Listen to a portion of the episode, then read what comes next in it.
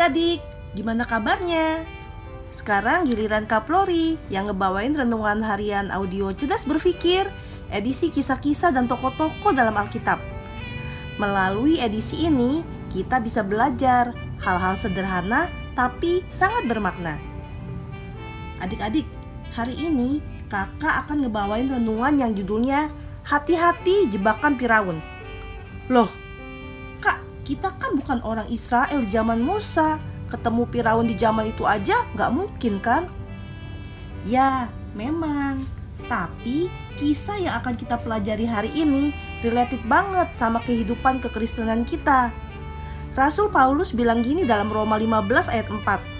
Sebab segala sesuatu yang ditulis dahulu telah ditulis untuk menjadi pelajaran bagi kita, supaya kita teguh berpegang pada pengharapan oleh ketekunan dan penghiburan dari kitab suci.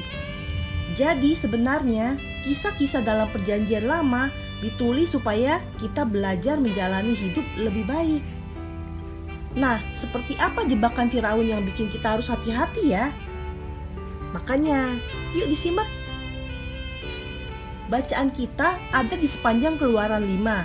Kalian bisa baca kisahnya supaya bisa tahu ceritanya. Oke, kita mulai. Musa pun kembali ke Mesir dia bertemu dengan Harun yang adalah abangnya.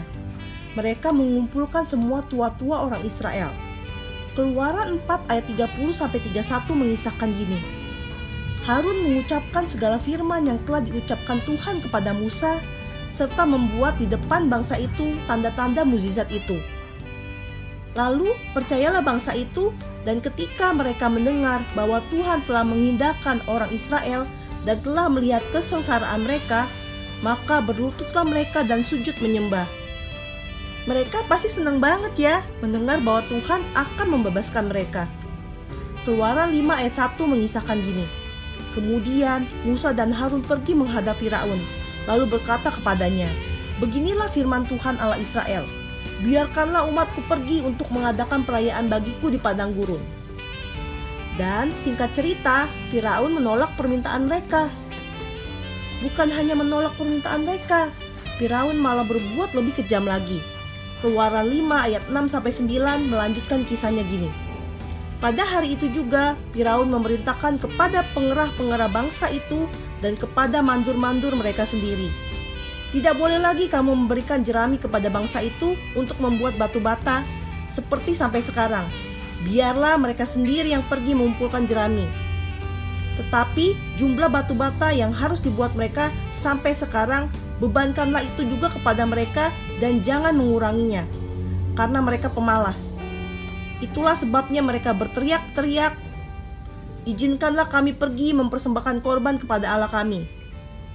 Pekerjaan orang-orang ini harus diperberat sehingga mereka terikat kepada pekerjaannya dan jangan mempedulikan perkataan dusta. Parah kan Orang Israel malah dibuat sangat sibuk supaya nggak sempat mikirin upaya bebas dari perbudakan. Nggak sempat dengerin perkataan Tuhan yang disampaikan oleh Musa. Intinya mereka dibuat sibuk. Karena kalau bangsa Israel terlalu sibuk, maka mereka lupa sama perintah dan rencana Tuhan. Itulah jebakan Firaun. Adik-adik, kita juga harus hati-hati sama jebakan Firaun ini, yaitu terlalu sibuk. Sebenarnya punya kesibukan itu nggak salah. Dalam porsi yang pas itu malah bagus banget. Papa mama sibuk kerja, kamu sibuk belajar, bermain, dan mengembangkan diri. Itu oke banget sebenarnya. Tapi kesemuanya itu jangan sampai bikin kita nggak punya waktu buat keluarga, nggak punya waktu buat istirahat, dan yang terutama nggak punya waktu buat Tuhan dengan berdoa, membaca Alkitab, dan mengoreksi diri.